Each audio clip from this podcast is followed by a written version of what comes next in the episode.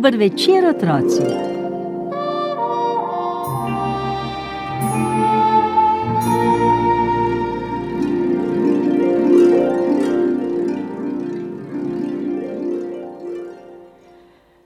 V beli krajini sta živela mož in žena, ki sta bila brez otrok, pa bi vsaj enega imela rajši, kakor vse bogatstvo tega sveta.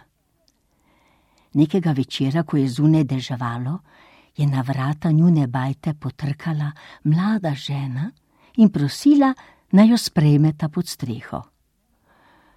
Oddaleč prihajam in utrujena sem, je potožila. V gorjance sem namenjena, pa me je prezgodaj dohitela noč. Bosa in z razmršenimi ter od dežja premočenimi lasmi, ki so ji padali do kolen, je bila napravljena tako borno, da je gospodar zagodrnjal. Vsaka ciganka bi že rada prenočevala v hiši, kar v skedno ji postelji žena. Gospodinja pa je bila usmiljena in je moža zavrnila.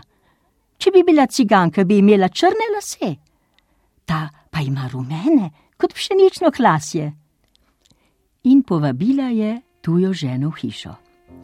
Žena je sedla k topli peči in si začela razčesavati dolge lase.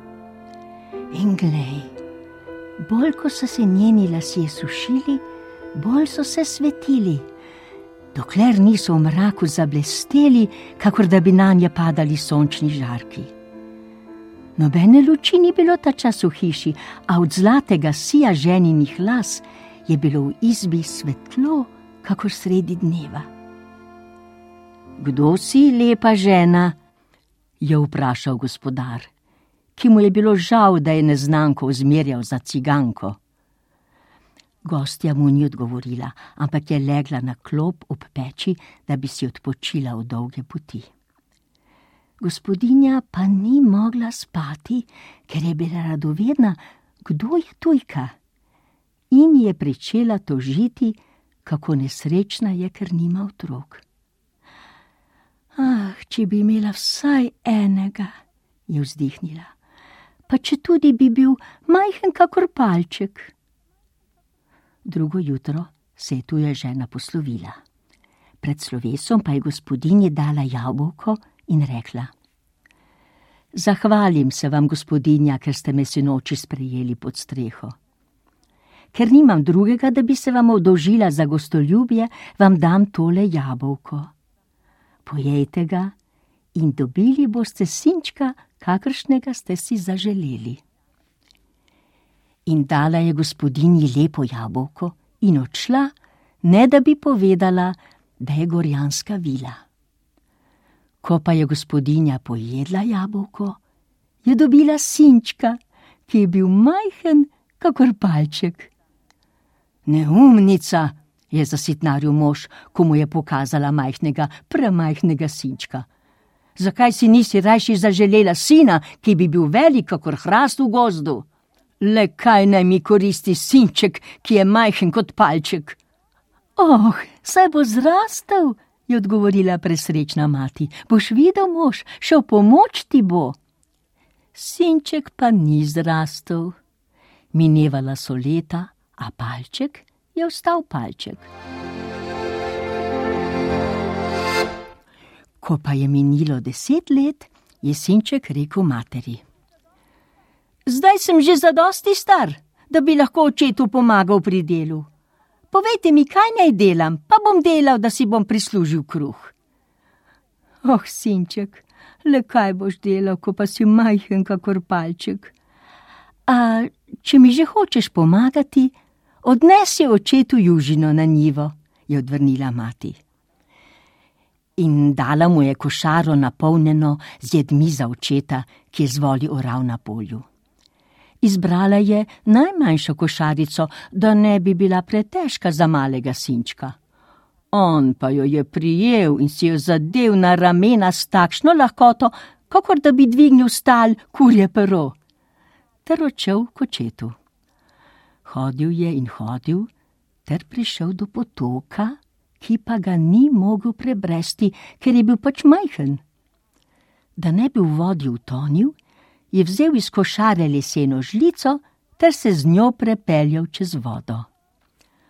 Oče, prinesel sem vam južino, je zaklical s tankim glasom, ko se je ustavil na ozarah nezorane njive. In kdo me pa kliče? je orač ustavil vole ter si obrisal znojno čelo. Jaz sem, vaš sinček palček. Ha, šele tedaj je oče zagledal košaro, ki se je premikala tik nad zemljo, sinčka pa, ki je z malimi nogami drobencljal pod košarico, ni opazil, vse dotlej, dokler ni košarica obstala v brazdi, poleg nje pa občepel palček, ki se je drl. Jejte, oče, kar vam pošilja mati. Joj, kdo bi si mislil, da si tako močan? se je čudil oče in jedel in jedel, a vsega, kar mu je prinesel sinček palček, ni pojedel. Zdaj pa le odnesi košarico domov, je naročil oče, ko se je najužinal. Ne grem domov, je rekel sinček palček. Kar pri vas bom ostal in z vami oral, dokler ne bo vsa njiva zorana. Oj, sinček, le kako mi boš pomagal, ko pa si majhen, kakor palček, je ogovarjal oče.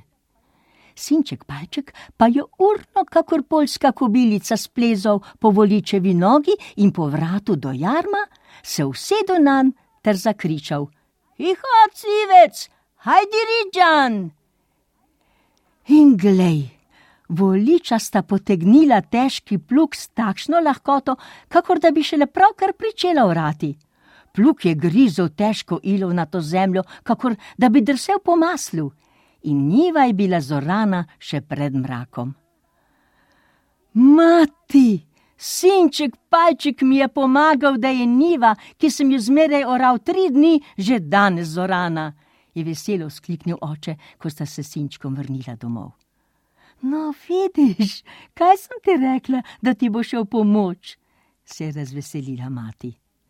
Naslednji dan pa je rekla sinčku: Sinček, palček, ali bi lahko gnal kravo na pašo?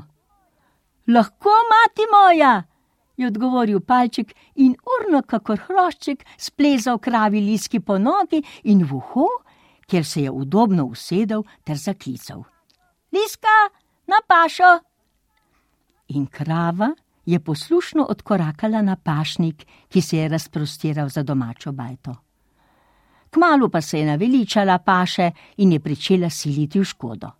Paček pa je kričal: Oh, Aliska, kam pa kam? Detelo bi rada žrla in se zapasla, o, ne boš. In mlada sočna zelena koruza ti diši, ne boš je jedla kar tukaj na pašniku ostani in se lepo pasi, da ne bodo rekli, kakšen slab pastir sem. Če me ne boš ubogala, te bom ugriznil v uho, da boš zbezljala.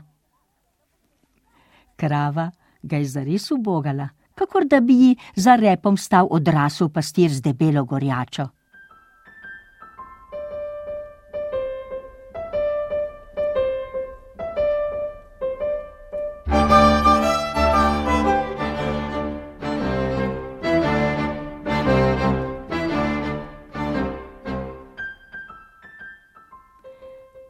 Tako je sinček palček pomagal očetu in materi, ter si služil vsakdanji kruh.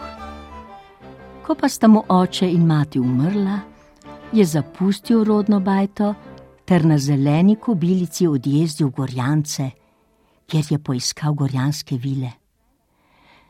Belokrajci pripovedujejo, da palček še zdaj živi pri gorjanskih vilah, a tudi tam ni brez dela v jasnih dneh lovi v mrežo sončne žarke in kuje iz njih zlatnike.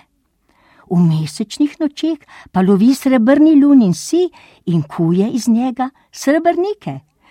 Da imajo vile v Gorjancih toliko zlata in srebra, kakor ga ni imel še noben bogatin. Če boste kdaj šli v Gorjance in tam srečali palčka, ga prosite, ne vam podari nekaj vilinskega bogatstva. Palček je dobričnik in vam bo dal poln klobuk zlatnikov in srebrnikov.